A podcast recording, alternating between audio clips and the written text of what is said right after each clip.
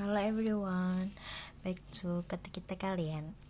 In this episode, I want to talk about our personal experience, especially me, yang masih membekas banget di ingatan gue, bahkan rasa sakitnya. Kayak lebih menyeramkan sih sebenarnya judulnya, clickbait, clickbait banget gitu ya. Tapi I really want to share with you guys. So uh, I think this is one of the worst moment in my life. Uh, it remind us kalau ternyata marriage it is not just being enak-enak aja gitu, tapi perjalanannya setelahnya tuh kayak ya kita harus siaplah secara mental, fisik, pikiran dan lain-lain. So yeah, let's talk about this. Jeng jeng. Selalu ada jeng jengnya. Nah, gak apa-apa ya. Sekarang gue kayak dominantly talk in this episode karena katanya di episode yang sebelumnya kemarin gue kayak cuman banyakan hmm kayak Nisa Sabian gitu. Sikat. Apa ya?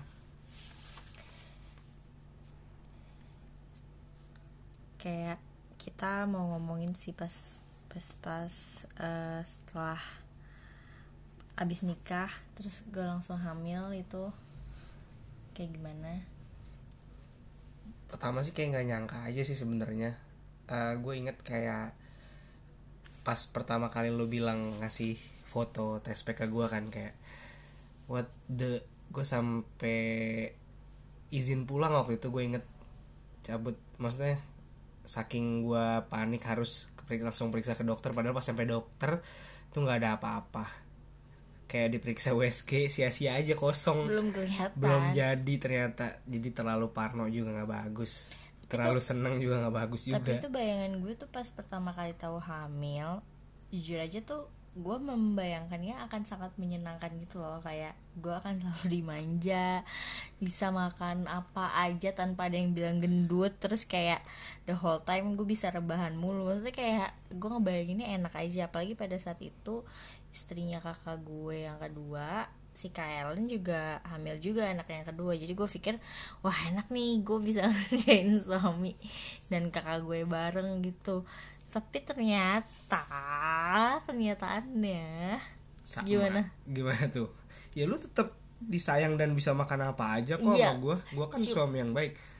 Gak gitu maksudnya apa yang gue rasakan gitu loh kayak wah banyak banget deh pokoknya. Jadi pas dari awal gue hamil itu gue tuh udah kayak muntah mual mulu gitu kan. Gue nggak gitu ngerasa ngidam yang macem-macem tapi gue bener-bener enak mulu tiap setiap saat gitu. Jadi itu yang uh, trimester pertama ya? Iya pas trimester pertama itu. Jadi kalau ada bau-bau dikit tuh gue bawaannya mau muntah. Kayak bau masakan bau bawang bau bumbu dapur. Terus rasanya bener-bener mual. Terus ditambah lagi kan gue juga punya mah. Jadi makin parah gitu lah nah pas tiga bulan pertama tuh gue kerjanya muntah. Ya kan kayak di mana mana tuh gue bisa muntah di kamar di kasur di sampai pusing sih gue kayak lu tuh kan sempet trimester pertama kan dirawat kan? Nah iya itu. Nah itu bener-bener kayak setiap makan gue pasti muntah. Setiap lu deketin pun gue gak mau gitu kan even air putih pun ya kan lu iya air even air putih pun gue waktu itu enak gitu. Terus, sampai akhirnya lu dirawat karena masuk rumah sakit. dehidrasi iya, kata dokter kan? sekitar bulan ketiga atau keempat gitu ya. hmm. ya itu udah parah banget nggak bisa masuk makanan sama sekali kan. Jadi muntah cuman keluar air doang. Terus akhirnya udah nggak kuat terus malam-malam minta anterin ke UGD sama lo kan. Terus ternyata gue harus diopname karena gue udah dehidrasi parah gitu. Yeah. udah dehidrasi terus akhirnya dimasukin cairan dari infus kan. Itu kayak pertama kali nya gue diinfus sih sebenarnya jujur aja. Terus uh, apa pas diperiksa pun kata dokternya katanya ini pertumbuhan bayinya itu eh, nggak uh, sama-sama minggunya. Maksudnya harusnya ini berat bayinya dan pertumbuhannya itu harusnya udah sama kayak uh, sekitar tiga bulanan gitu ya tiga bulan atau empat bulanan. Tapi itu ini malah kayak mundur berapa minggu gitu. Mm-hmm. terus habis itu karena katanya ini gue kurang nutrisi. Terus ya udah akhirnya di situ gue di opnam selama hampir lima hari. Eh selama lima hari ya lima hari. Gue inget kok lima hari. terus abis itu dikasih obat dikasih eh, apa makanan dari infus gitu. Jadi gue biar gue bisa apa survive lah sama bayinya. Gizinya terpenuhi. Iya maksudnya at least bayinya juga nambah berat badannya gitu.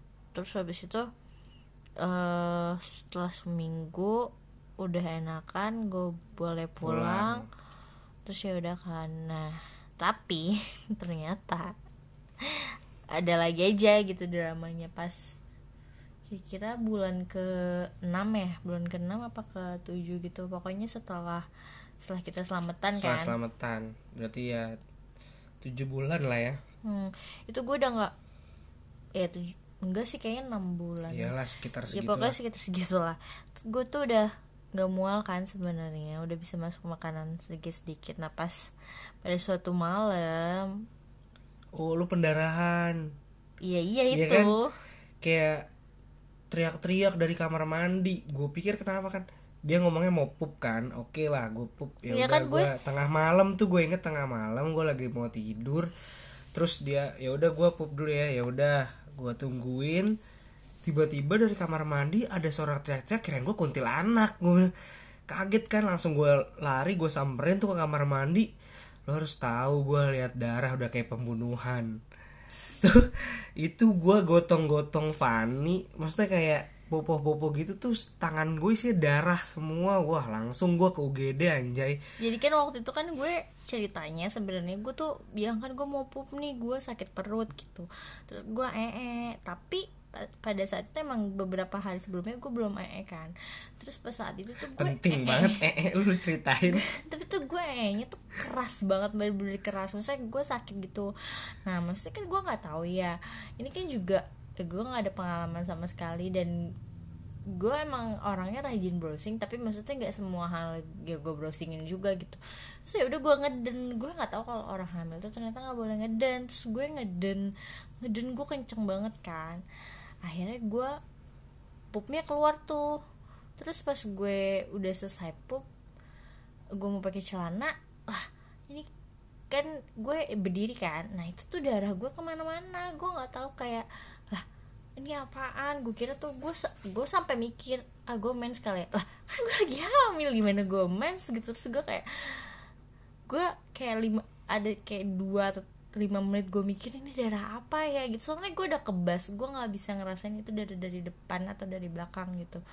Terus ya udah ya gue teriak gue teriak. Nangis gue inget banget tuh lu nangis. Iya kayak darahnya udah di mana mana kan di kamar mandi. Takutnya bayinya kenapa-napa kan iya maksudnya maksudnya kayak takutnya itu pendarahan dari Iya. depan. Terus ya udah akhirnya malam-malam gue ke UGD jam 10 malam tuh. Gue ke ke UGD lagi ke tem- ke rumah sakit yang sama lagi terus ya udah akhirnya pas di sana eh, disuruh tenang dulu kan. Dan nggak bisa dilihat. Pada waktu kan gue masih enam bulanan gitu. Jadi nggak bisa dilihat ini tuh gue ada pembukaan atau enggak atau kayak gimana. Jadi gue nggak bisa dilihat dicek secara dicolok gitu loh. Terus akhirnya nggak bisa. Gue ya udah diem aja situ sekitar sejam atau dua jam. Terus eh, disuruh cek lagi ini masih berdarah apa enggak itu dirawat gak sih? Lupa gue. Dirawat juga kayaknya ya? Enggak tapi sampai hampir pagi sih. Oh iya iya iya. Nggak dirawat tapi kayak sampai hampir pagi di situ. Gue suruh cek ini masih berdarah nggak? Masih. Terus diem dulu lagi gitu-gitu. Terus soalnya ya gue juga nggak tahu itu darahnya dari depan apa belakang. Gue udah kebas gitu dan gue udah panik. Jadinya gue nggak bisa ngerasain itu di depan apa belakang. Terus ternyata pas sudah selesai pas sudah maksudnya udah beberapa lama gitu udah mau pagi terus gue cek lagi ternyata udah nggak berdarah lagi kan. Terus kalau kata dokter yang jaga sih katanya kemungkinan itu gue pembuluh darahnya pecah di belakang maksudnya jadi gue tuh karena gue saking kencengnya ngeden jadinya eh, wasir gitu kena wasir oh gitu. mungkin ini tips juga kali ya buat teman-teman yang lagi hamil kan Terus supaya pas- jangan ngeden berlebihan Iya, terus besoknya kan eh, si dokter si dokter apa? Dokter UGD-nya itu bilang ya udah Bu besok ini aja apa ke langsung ke dokter kandungannya kan jadi gue langsung abis dari situ besokannya eh, Balik lagi. balik lagi ke situ tapi gue periksa dokter kandungan yang ada praktek hari itu terus habis itu gue periksa terus katanya oh iya ini dari belakang gitu kan nah ternyata usut punya usut ternyata karena gue tuh kan eh, yang sebelumnya kan gue mual terus kan mual muntah mual muntah gitu. Nah setiap mual dan muntah gue tuh selalu minum obat. Jadi setiap kayak gue udah mau ngerasa mual gue Minum obat. minum obat gue minum obat minum obat gitu. Nah ternyata obat mual dan muntah itu ternyata memang katanya menyebabkan konstipasi kalau lo kebanyakan. Emang konstipasi apa? Konstipasi tuh kayak susah BAB gitu loh. oh iya gitu dong. Ya, ngerti juga selalu nggak gue ngerti siapa tahu teman-teman yang denger Oh, kan iya, bahasanya oke. awam kan. Terus jadinya karena gue udah konstipasi eh, terus ada tekanan juga kan di perut karena hamil terus jadinya menyebabin pembuluh darah pecah dari belakang terus jadinya wasir gitu. Terus akhirnya di- gue dikasih obat yang dimasukin dari pantat gitu loh. Rasanya sakit banget sih. Ih kenapa harus lu ceritain kayak gitu?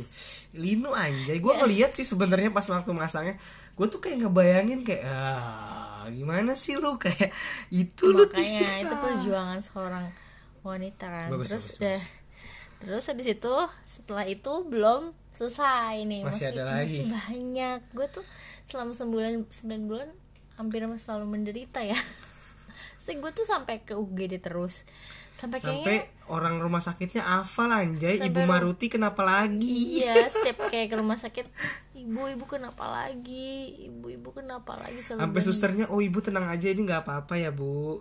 Iya gitu Bu." deh pokoknya. Sampai kita pernah dirawat lu di kamar yang sama itu itu aja kamarnya Iya, di kamar- kasur yang sama. Kesin yang sama itu itu aja. Terus pas kejadian terakhir itu di bulan ke-8 tepatnya di pas gue umur 32 atau 33 minggu mana gue harus ke UGD lagi dan itu lagi-lagi. Jadi setiap gue sama Iqbal sama kakak ipar gue sama kakak gue Mas Topan pergi makan. pergi makan jalan-jalan gitu-gitu tuh pasti besoknya gue ke rumah sakit.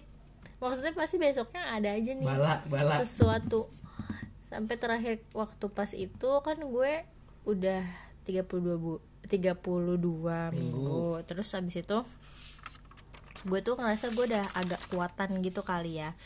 Eh, gue tuh belajar kan gimana gue tuh karena gue nggak bisa lepas dari obat mual itu juga jadi gue pengen eh, biar gak konstipasi ya gue makan serat gitu yang banyak kayak eh, sayur gitu gitu gue sering tuh makan sayur dan buah gitu. Terus gue juga di situ udah mulai belajar untuk hipnoterapi afirmasi positif dari YouTube gitu-gitu dari buku. Terus gue juga udah ikut senam hamil ya Senam waktu itu hamil, udah senam ikut senam hamil. Udah kan udah sobi lu udah punya temen konco kental ibu-ibu itu pokoknya? Eh pokoknya udah lima kali eh udah kan eh, sesinya lima kali ya. Jadi gue bayar tuh lima kali terus gue udah ikut tiga kali. Nah terus eh, mau itu ikut tuh yang keempat masuk ke rumah sakit abis itu dilarang sama iya dokter. terus itu tuh gue kan mikirnya iya gue jalan yang banyak terus gue olahraga gitu-gitu terus gue makan sayur gue mikirnya biar gue bisa gampang lahirnya kan. Terus eh apa namanya gue juga waktu itu udah nyari-nyari tahu nih gue akan melahirkan normal atau sesar waktu itu gue sampai nanya temen lo kan tuh Siapa? yang bidan sama oh iya bidan dina.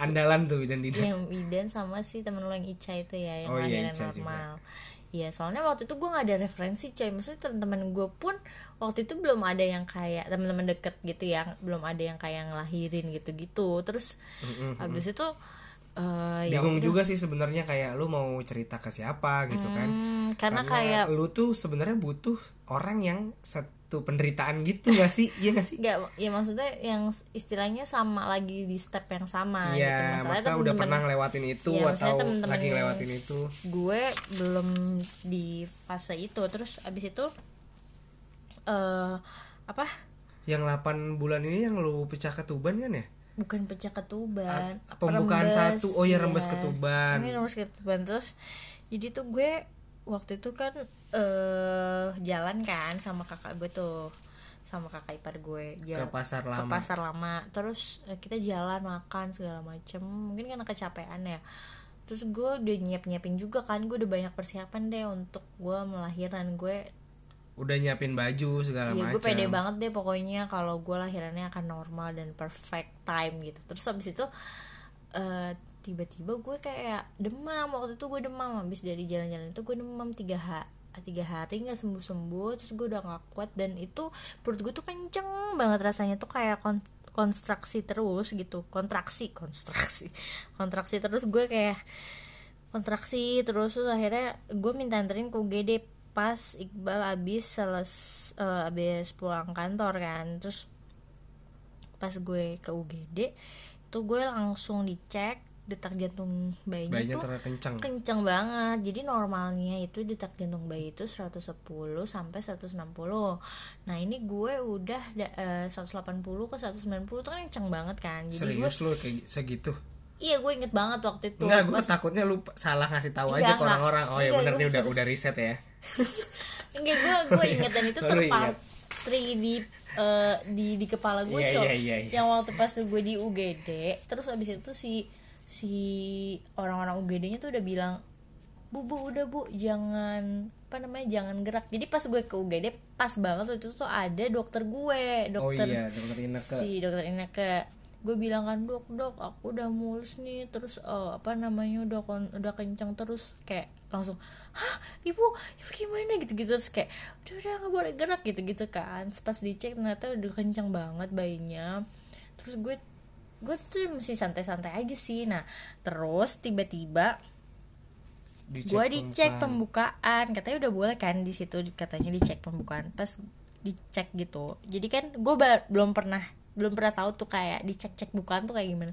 Nanti dimasukin dimasukin jari gitu ya si bidan atau susternya tuh bakalan masukin jarinya dia tuh kalau terus kayak ngecek bukaan gitu kayak udah berapa jari gitu ruas tangan Udah udah udah cukup. kayak ruas tangan terus kayak anjir coy itu sakitnya bukan main bener-bener sakit banget. Itu gue pertama kalinya dicolok terus gue ngeliat kan berdarah Ya emang harus dia. berdarah. enggak jadi kalau misalkan lu Masa? jadi kalau misalkan lu nggak eh, belum bukaan belum berdarah coy Oh gitu. Ih, gua gua ngelihat soalnya. makanya Iya, ya berdarah. terus itu tuh berdarah terus gue takut banget kan katanya terus terus eh, si susternya senyum-senyum gitu kan Terus gue nanya gimana sus hah kok berdarah kan gue bilang gitu kan terus kata dia ah iya nih bu udah bukaan satu kata dia gitu terus gue kan ngeri banget tapi gue pasrah aja sih gue Itu emang udah paling krusial sih kayak antara si asanya bisa dilahirin paksa atau gimana kan? Karena kan kalau 8 yang bahaya tuh 8 bulan, kalau 7 bulan kan bisa diprematurin kan langsung kan ya. iya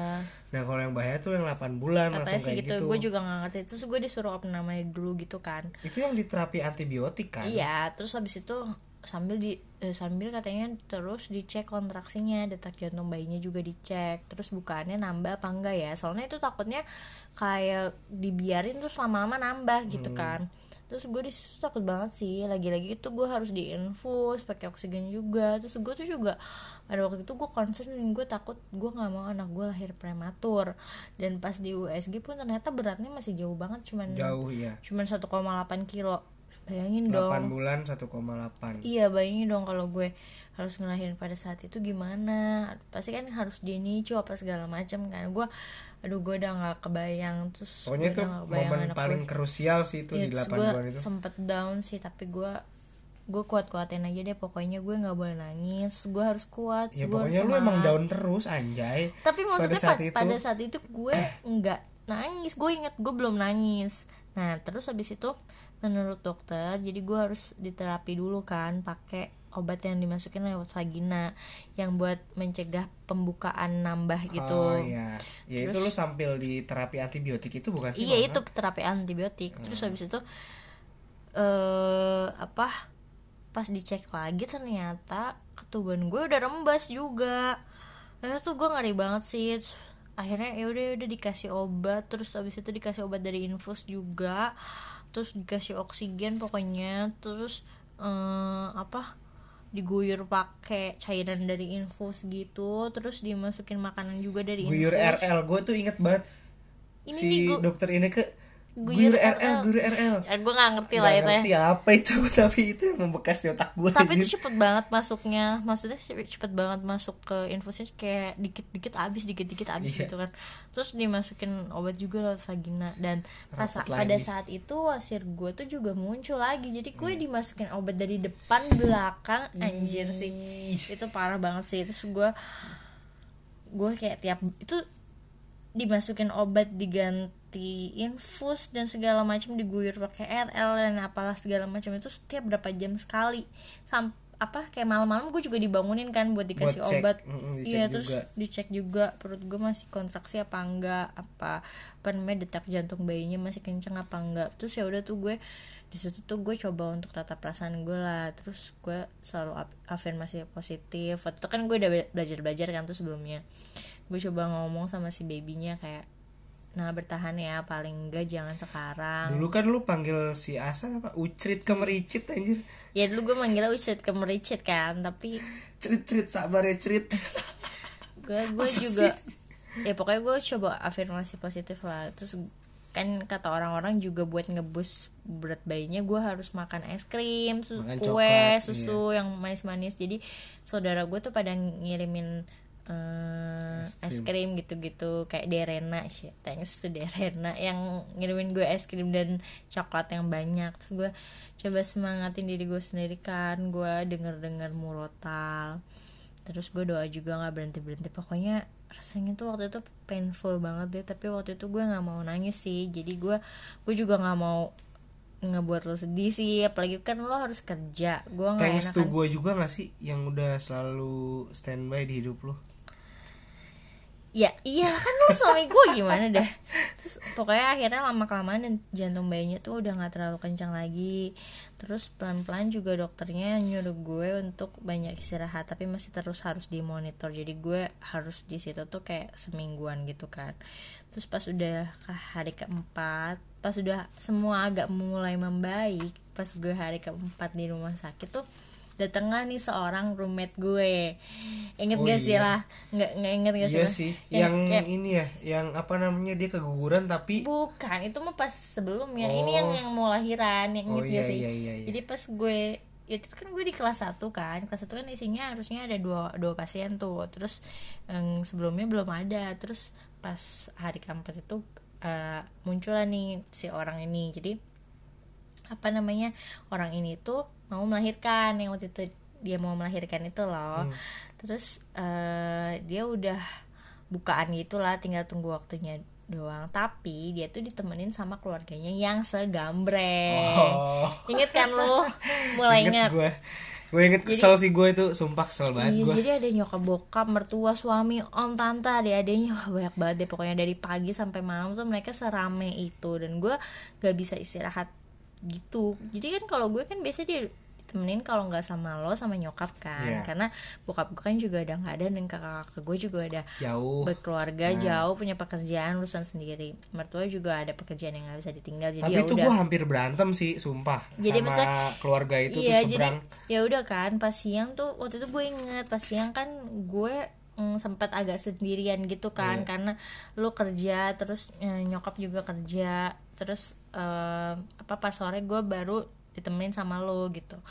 Nah itu gue ngerti sih sebenarnya euforianya orang yang mau ngelahirin Yang baru tuh kayak lahirin, gimana yang iya. baru apalagi ini istilahnya Cucu pertama, cucu pertama. ya, katanya sih gue juga nggak tahu tapi itu bener-bener nggak berhenti berhenti orang dan orang datang terus bener-bener nggak ada mannernya menurut gue. Kayak jam 10 atau jam 11 malam si babynya. Dia kan akhirnya udah lahir tuh. Terus itu tuh ramai banget. Ada segala om-om tante-tantenya di situ semua ngobrol. Dan itu bukan weekend juga. Dan apa pada saat itu tuh ya eh sebenarnya aturan di situ tuh nggak nggak cukup straight sih menurut gue jadi iya sih. pas-pas ada jam bes pas udah Kan habis jam, jam besuk. Heeh, harusnya kan ada jam besuk pas udah habis jam besuknya tapi ini masih kayak orang lalu lalang aja gitu. Terus eh, di situ semuanya ngobrol pas udah malam gitu kan. Gue kan gue kan disuruh Butuh sama istirahat. dokternya buat istirahat terus kan. Maksudnya gue butuh istirahat Iya. banyak. Terus di situ semua ngobrol suaranya gede banget ngebas gitu ketawa-ketawa. Terus nggak ada yang bener-bener lihat waktu. Pas gue gue kan udah capek gue mau tidur kan dari dari pagi gitu. Terus habis itu gue panggil lah suster kan gue minta tolong lo buat manggil suster. Terus uh, kata susternya oh ya udah nanti uh, coba saya bilangin ya. Kayak sekali nggak digubris dua kali nggak digubris terus akhirnya pas lagi jadwal visitnya si suster yang ngasih obat ke gue mereka kayak risih sendiri gitu. So akhirnya mereka manggil satpam kan buat ngusir orang-orang itu di dalam ruangan. Terus ya udah gitu. Abis itu kan gue mau berusaha tidur lagi kan sambil ya kasih afirmasi positif lah buat bayi gue terus habis itu gue tuh denger mereka tuh kayak ngeluh dan sebel gitu. Jadi mereka kayak nggak terima kalau mereka diusir sama satpamnya. Kayak ya lah biasanya juga nggak apa-apa gitu ngomong-ngomong kayak gitu kan. Ya namanya juga orang lahirin wajar lah banyak yang jenguk. Terus tiba-tiba ada satu orang yang bilang kayak gini eh biarin aja ada yang sirik sih katanya gitu. Ya nih sebelah tuh sirik karena nggak pernah ada yang jenguk dari pagi atau kemarin kali itu. Asasi gue itu emosi banget gue udah capek sedih juga.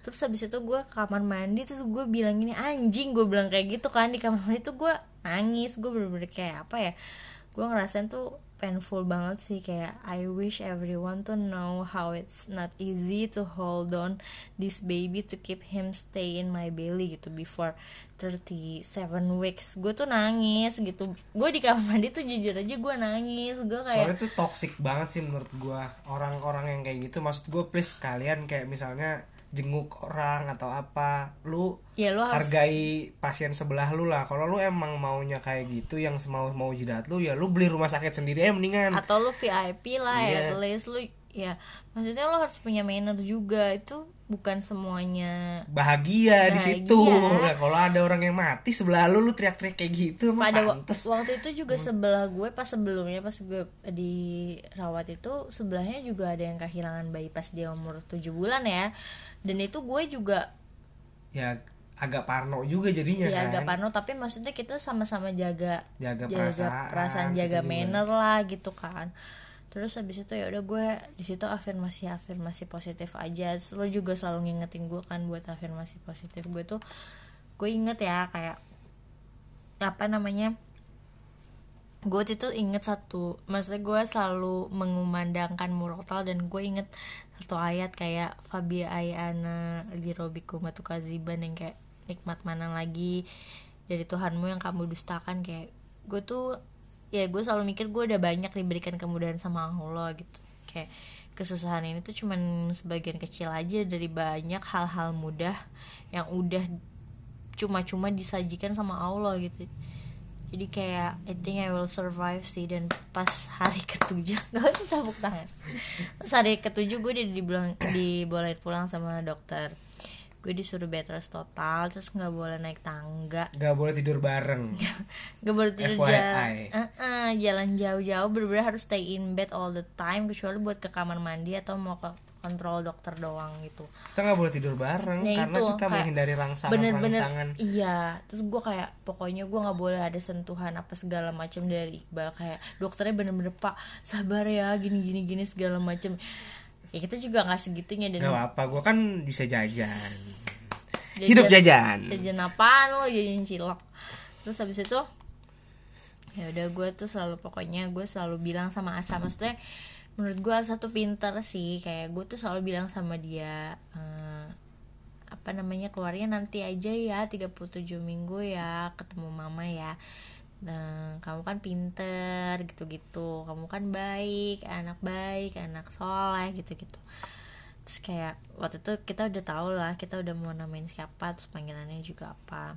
Terus akhirnya berlalulah masa-masa sulit itu kan. Masa-masa di mana gue harus di bawah terus. Maksudnya gue harus tidur di bawah. Gue kayak nggak bisa ke mana-mana. Di bener-bener di kamar mulu gue ke mana-mana. Terus pas ternyata udah 37 minggu 37 mau ke 38 ya hmm uh, eh, gue kan ngerasa kayak kontraksi mm, lagi. ngerasa kontraksi kenceng banget ya terus udah, kira kita kita udah siap-siap sih waktu itu udah nyiap nyiapin barang-barang segala macam akhirnya kita ke dokter lagi pas di dokter uh, udah nggak boleh gerak-gerak. Terus abis itu dicolok lagi gue buat ngeliat bukaannya. Terus katanya kata susternya so kata susternya waktu itu kayak "Eh, bu ini pala bayinya masih jauh katanya gitu Tapi ini udah pembukaan satu kan pas lo periksa. belum belum belum belum. Oh, iya, jadi belum. belum. pembukaan satu. Terus katanya pala pala bayinya masih jauh. Terus gue inget banget. Waktu itu kan gue udah nggak boleh nggak boleh apa turun ya. Terus gue dibeliin pampers kan. Iya iya iya. Pampers. Enggak tapi itu pas periksa itu pas saya periksa ingat belum belum pembukaan bal jadi ternyata apa namanya dia si gue inget banget si susternya itu ngomong sama gue kayak gini "Eh, ini kemungkinan gagal janin ya bu jadi harus sesar gitu Terus gue kan udah agak panik Parno, kan ya. udah agak panik terus akhirnya pas gue udah dapet dapet apa dapet kamar udah ditaruh di kamar dicek lagi ternyata gue udah bukan satu pas saat Hmm. itu oh ya udah kata dokternya "Ya udah tunggu aja nanti gitu kan biasanya kan kalau masih satu disuruh pulang tuh. Cuma Iya. kan karena kita ini ya kita nungguin aja, aja. kita nungguin aja situ terus Kebetulan kita sobat-sobat kayak generali. Jadi ya udahlah kita lama-lama aja di situ anggap saja rumah sendiri. kan pokoknya udah siap-siap waktu itu udah bawa jimbol terus udah udah bawa minyak kutus-kutus juga gue udah mulai berasa sih kontraksinya cuman waktu itu nggak gitu sakit terus akhirnya nungguin terus ketiduran sampai paginya dicek lagi ternyata belum nambah bukaan terus akhirnya dikasih lah induksi yang dimasukin dari vagina Ya, itu perasaan lu gimana tuh di, di induksi itu tuh? Nah pas dimasukin itu ya gue biasa aja karena gue udah sering dimasukin dicolok-colok dimasukin segala macam udah bodo amat deh pokoknya terus gue tapi di situ gue udah berusa- berasa kencang kencang lagi gitu. Terus kayak mules-mules. Terus gue main jimbol kan. Gue main jimbol mulu. Terus dikasih kutus-kutus juga sama nyokap gue. Kutus-kutus sih juara. Mm-mm, maksudnya kan gue kayak aduh sakit gitu kan pegel-pegel. Terus kayak dikasih kutus-kutus kayak kakinya gitu. Terus habis itu eh waktu itu kan kita udah agak nggak sabar ya terus orang-orang tuh sebenarnya orang-orang kayak saudara-saudara gue kakak-kakak gue tuh kayak pada meragukan meragukan gitu kan kayak alah Fani palingan juga nggak gitu kuat. nggak kuat. orang kemarin juga Dikit-dikit nangis lu kan iya. cengeng anaknya dikenal di keluarga lu. Nggak cuma tapi yang harus gua appreciate sih dokter Ineke sih Nah, kayak terus nyokap gue tuh udah bilang sama dokternya, dok sesar aja deh, kasihan ya anaknya lama gitu. Terus kata dokternya, gak lah bu, kita tuh usaha dulu. Kalau bisa normal ya normal gitu kan. Terus ya udah, ibu udah tenang ya. aja, Udah, ini Ibu- bisa normal gitu Iya, pokoknya. udah Wah, ibu tenang aja nunggu Ineke. gitu-gitu kan. Terus habis itu gue udah berasa sakit gitu kan, mau pup mulu. Pas sore pas sorenya lagi gue dicek ternyata udah bukan tiga terus ber- habis itu kata dokter langsung oh ya udah pindah ke delivery room gitu kan pas sebelum pindah gue dikasih infus eh induksi, Induksi dari lagi. infus nah pas abis dari induksi dari infus itu langsung kayak wah parah banget itu kenceng banget mules mulesnya tuh kayak tersakit ya. mulesnya tuh udah kayak nggak pup selama 10 tahun gitu bener-bener aduh parah banget itu kayak terus kayak mules kontraksi mules kontraksi gitu-gitu terus kan terus gue pokoknya gue udah di situ udah nggak doyan makan udah nggak mau ngapa-ngapain lah pokoknya semua posisi tuh salah kecuali gue di jimbol gue pokoknya seneng banget di jimbol kan Jimbol tuh jimbol. memang kuncian juga sih. iya jadi daripada di Kasur, kasur mendingan di jimbol. jimbol tuh pas bukaan pas dicek kan gue udah nggak sabar kan ini dicek belum nambah lagi belum nambah terus ternyata pas udah udah udah menjelang mag eh, udah habis maghrib gitu ternyata gue udah bukaan lima Di kan. sini gue aja yang cerita abis ini. sih. Lu gak ngalamin, soalnya gue yang ngeliat jadi bener-bener. jadi nggak jadi di delivery room itu sebenarnya eh, itu hanya boleh ada satu orang pendamping which is Iqbal gitu kan. Cuman tapi waktu itu karena belum ada dokternya masih ada cuman masih ada gue susternya dua terus Iqbal jadi nyokap gue masih boleh ada di dalam situ. Terus ya udah kan pas bukaan lima tuh gue udah uring-uringan deh terus mana Iqbal abis mi- minum tolak Tolak angin, angin. kali ya gue bau mulu bau gue bilang kayak gitu. Kan di situ deh gitu Enggak, kan. jadi gue mau cerita dulu diam, ini ge- giliran gue. Jadi pas udah di delivery room ini gue emang minum tolak angin karena gue juga masuk angin pada saat itu gue sakit kan. Terus gue ng ngajarin dia pernafasan gitu, tarik nafas, hembuskan. Nah, terus gue gitu di depan mulut dia, gue diomelin baru tolak angin. Ya udah, ya udah kan akhirnya udah nih set udah udah nambah-nambah pembukaan, oke. bukan Udah. lima kan pas Pembukaan lima pokoknya dari saat pembukaan itu. lima cepet langsung ke delapan kan ya kalau nggak salah ya. iya pas di kan gue udah nggak sabar kan nah susternya tuh kayak iya iya bu sabar sabar gitu gitu Jadi pada saat itu- dokternya juga waktu itu masih ada tindakan, Tindakan gitu jadi pada kan. saat itu terus terang aja untuk kelahiran Fani ini gue kasih tahu aja sebenarnya. Yang paling berjasa dalam hidup dia saat itu adalah gua.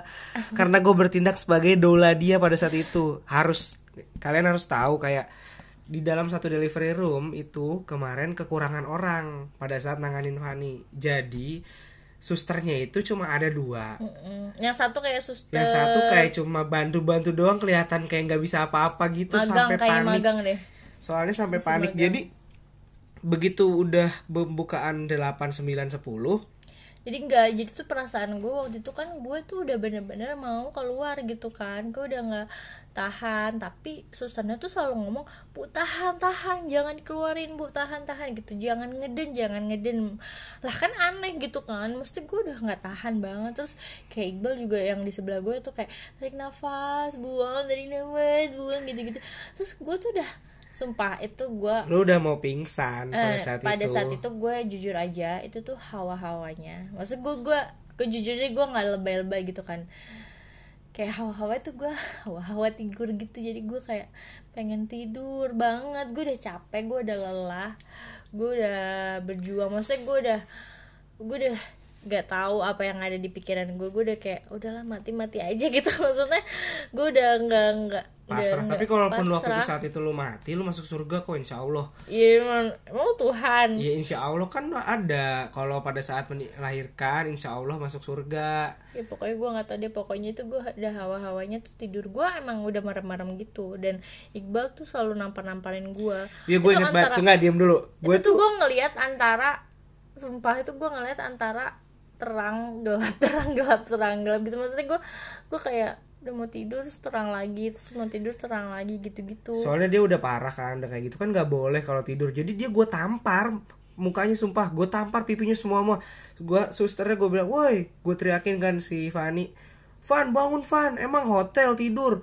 Gue tampar papak susternya sampai ketawa-tawa ngakak ngeliat gue nah tiba-tiba tapi ada susternya juga tidak membantu apa-apa karena kan dia kan udah ngecek oh ini pembukaan 8 bu. Terus pembukaan 10 eh Enggak, pembukaan jadi- 9 gitu kata dia kan 8 terus ke 9 terus habis itu bu bu tahan ya bu bu jangan dulu ya. Terus dia udah nelfon nelfonin dokternya dok dok gini gini gini. Terus kayak gak ada yang dateng gak ada yang nyaut. Bukan, jadi pas dia telepon, jadi ternyata pas dia ngomong kayak gitu tuh, itu kepala si Asa udah keluar. udah kronis udah kroning. Nah dia dia telepon dok dok dok dok udah kroning dok. Nah pada saat itu kita karena kita Nggak tahu, tahu. nggak kita tahu. Oh, kita tahu. gue tahu kalau waktu itu gue tahu sumpah kroning gue tahu. Nyokap gue kan di depan gue kan.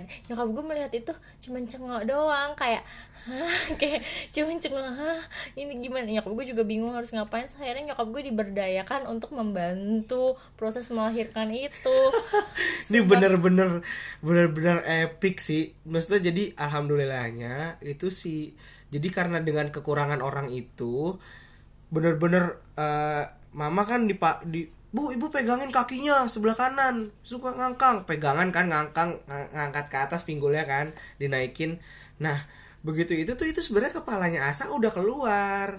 Kan lu karena nggak ngelihat kan Nah, kan gue di situ kan gue juga udah agak-agak sebenarnya gue agak orang yang takut banget darah sih. Tapi di sini gue tuh harus bertindak so tegar sih karena kalau enggak gue juga bisa die di situ gue liat kayak gitu. Udah dia udah palanya udah keluar kan alhamdulillahnya. Nih si Asa nih nggak pakai ngeden-ngeden acan. Nah gue nggak ngeden gue malah nggak boleh ngeden kan. Dan pada saat itu gue udah udah lemas udah lah gue bodo amat. Gue kayak menyerahkan pasrah menyerahkan seluruhnya kepada badan gue maksudnya gue kayak percaya udah deh badan gue bisa deh. Gue udah tidur aja bodo amat gitu kan. Gue udah kayak kayak gitu. Tapi gue ya nggak bisa tidur juga karena gue digangguin terus sama Iqbal kan. Jadi gue ya udah gue harus melek gue harus melek. Tapi di situ gue bener-bener nggak bisa melek. Kayak dikit-dikit gue tidur lagi gue melek lagi tidur lagi melek lagi gitu. Terus habis itu eh, si susternya juga udah panik kan udah kayak bu, bu, tolongin bu gitu gini ini segala macam bla bla bla.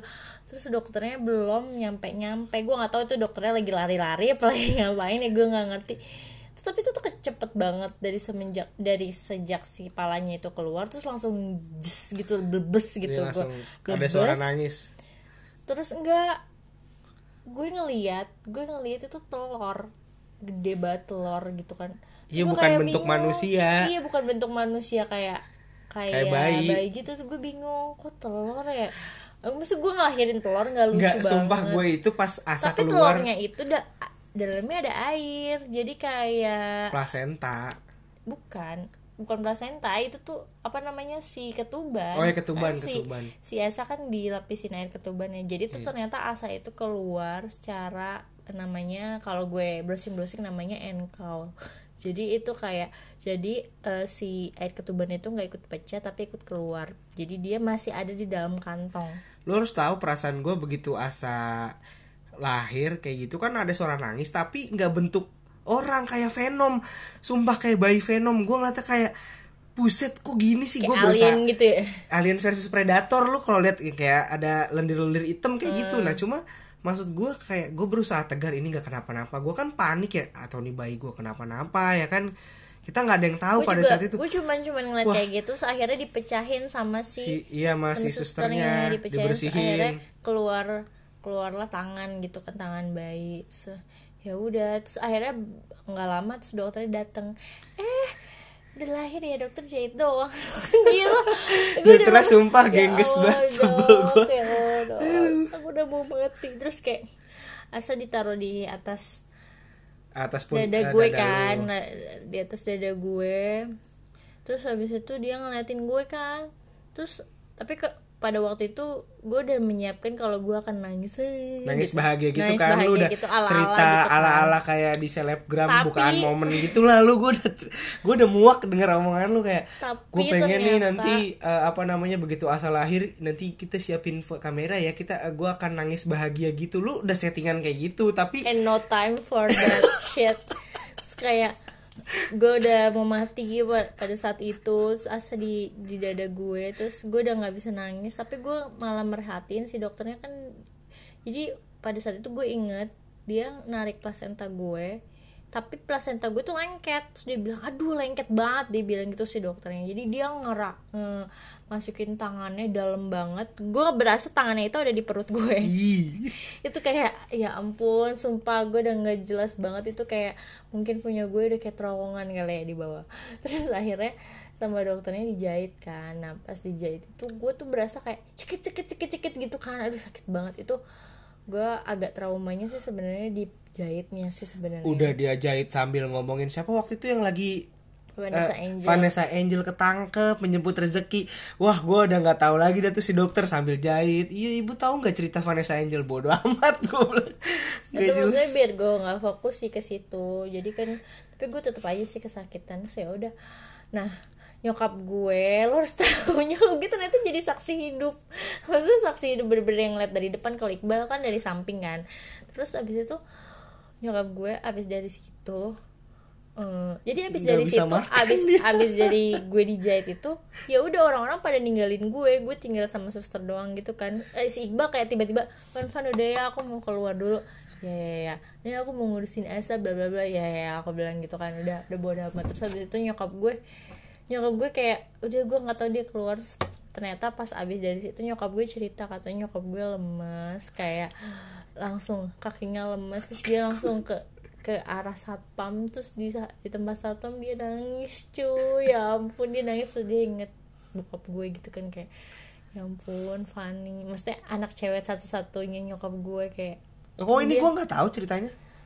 Ya mama kan cerita. Oh, cerita tahu gitu ke orang-orang gitu kan kayak ya ampun anak cewek gue satu-satunya dan Hmm. gue melihat proses melahirkan kayak gitu ya ampun dia kayak nangis gitu kan. Dia nelpon kakak gue terus kayak nangis gitu kayak sedih gitu deh. Ya gitu dia terus habis gue itu juga gue juga mau nangis. Gue mau nangis gara-gara gue kecele. Waktu itu kan lu habis selesai terus Hmm. gue eh, aus kan harus minum air es, eh, tehnya kan. Tehnya tuh ada di meja seberang gue ngambilin dong otomatis ngambilin teh buat lu. Begitu gue balik badan Waduh gue ngeliat kayak usus-usus gitu jeroan-jeroan. Ih kayak keluar gitu.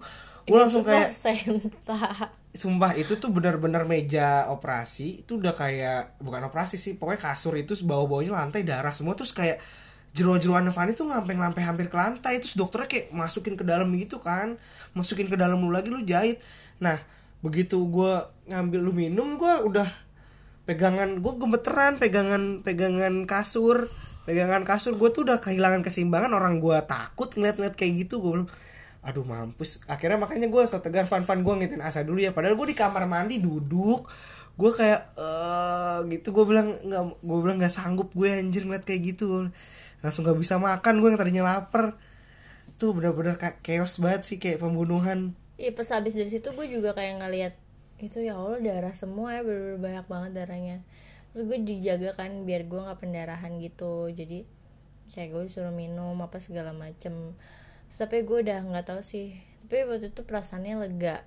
Maksudnya tapi lu lega. langsung jalan sih begitu habis dioperasi? Iya. eh, habis dijahit? Langsung jalan tapi kayak maksudnya jadi eh, ditanya dulu kan pusing gak bu? Gitu gitu enggak gitu. Terus gue disuruh minum teh yang waktu itu masih ada kan teh biar tenaga gitu cuman tapi pas pada saat itu sih gue udah udah nggak mikir apa apa udah plong even gue agak selfish sih. Maksudnya gue kayak gue tidak memikirkan bayi gue di mana gitu gitu tapi gue kayak ya udah gue udah, udah udah capek banget. Gue cuma main tidur sih pas saat itu udah udah deh kayak gitu. Pada saat itu yang apa namanya pertama dilakukan adalah melihat apakah ada asi nah itu nanti kita akan cerita di se- sesi selanjutnya tentang asi tentang baby blues dan lain-lain. Maksudnya gila sih sebenarnya. Gue juga baru tahu kayak perjuangan wanita tuh untuk melahirkan untuk ham even untuk hamil melahirkan. Terus eh, setelah itu ngurusin bayinya itu bener-bener struggling parah dan painful banget. Kayak the most apa ya the most painful and beautiful thing in the world gitu. Kayak gila nggak ada yang bisa sih. Kayak nggak ada yang bisa banget ngegantiin perannya seorang wanita gitu dalam lu beranak pinak maksudnya berreproduksi dan lain-lain. Kayak bener-bener nature yang apa ya kalau dipikir-pikir gila gue setelah berdarah berdarah apa keluar jeroan apa segala macam terus gue langsung bisa berdiri lagi dengan dengan gue nggak jatuh apa segala macam. Maksudnya itu kayak wah the best the best thing yang udah Tuhan eh apa eh, yang udah Tuhan bikin udah Tuhan rencanakan untuk seluruh umat manusia. Gue kayak ya ampun gue juga nggak nyangka sih pada saat itu gue bisa melahirkan secara normal dan gue survive. Gue bisa berhasil selamat pada saat itu padahal gue udah kayak almost dying in the delivery room. Ya gak sih? Hampir sih karena kalau nggak gua tepok-tepok dan lu tidur lu gua nggak tahu lagi sih jadinya kayak apa. Maksudnya kayak nggak boleh nah dan gitu. terus gue gue inget banget pas pada saat itu pas sudah sudah sudah semuanya selesai lo ngajarin asa dan segala macam ini nggak ada orang ya. Terus bener-bener cuma ada dokternya terus sama susternya terus mereka bilang kayak gini ibu ibu hebat dia bilang kayak gitu. Gue bener-bener mau nangis sih ibu ibu hebat banget gitu. Gue gue nggak tahu sih maksudnya tuh kayak bener-bener kata-kata yang ya tulus aja sih dia powerful ngomong kayak gitu. Iya powerful. Maksudnya kayak gue gue flashback kayak sebelum itu kan gue jadi kayak nangis. Sabar sabar sabar. Maksudnya gue flashback ke sebelum sebelumnya yang gue struggling banget dalam gue mempertahankan asa gitu. Terus gue bisa melahirkan normal. Terus lu ada satu kata-kata yang kena banget gitu pas lu setelah all the drama happens gitu. Terus gue kayak dibilang ibu ibu hebat banget gitu dengan tulus dan halus gitu. Terus gue kayak ah gue udah bener precious moment banget sih. Precious moment dan gitu deh. Ya udah jangan nangis. Ya nangis. Tapi emang maksud gue gue juga paling harus sih itu sih pas eh, apa namanya gue ngazanin juga sih kayak pengalaman yang tidak akan terlupakan Iya. selama seumur hidup lo pas ya? gue azanin dia asal ngeliat ke muka gue maksudnya madepnya ke merhatiin gue gitu dengan gimana gitu. Nah di saat itu gue baru sadar wah ternyata gue udah jadi orang tua gitu. Itu kayak tek gitu aja sih. Hmm, lo sudah menjadi seorang ayah gitu. Kayak padahal kalau dipikir-pikir kayak semua orang tahu kita kayak gimana gitu kan. Kayak berpikirannya apa? Dia mereka berdua bisa jadi orang tua. Nah yang pengen maksud gue yang eh, sekali lagi gue tekanin adalah gue selalu inget quotes ini sih sebenarnya. Kayak kita tuh lahir semuanya dalam keadaan yang nggak siap. Apa pun itu yang dikasih kita pasti ya kita nggak ada yang siap dong dilahirin gitu kan. Nah ya udah proses aja sih yang bikin kita ujung-ujungnya jadi bisa. Kayak gitu aja sih sebenarnya. Jadi kalau orang kayak misalnya uh, takut punya anak atau misalnya ngerasa kayak belum siap tapi percaya deh menurut gue emang semua orang tuh nggak ada yang siap dalam ngadepin hidup gitu. Ya mereka bisa karena kondisi atau memang tingkat apa untuk bertahan hidupnya yang tinggi gitu aja. Jadi di episode kali ini sih menurut gue poinnya itu sih. Kita harus setiap episode itu harus ada poin quotes atau apa. Kita nggak cuma cerita tapi kita kayak menginspirasi gitu such a wonderful world kayak gitu lah kayak gitu. nggak usah dengerin ini kayak ya udah. Jadi gitu deh intinya.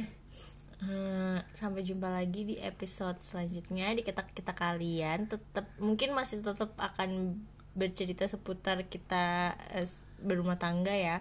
Tapi kayak ke depannya sih gue pengennya kayak uh, ada insight baru gitu. Jadi gue bisa uh, bisa narasumber lain, ya ya. yang lain gitu gitu Oke, okay, bye bye. Kata kita kalian pamit. Ciao.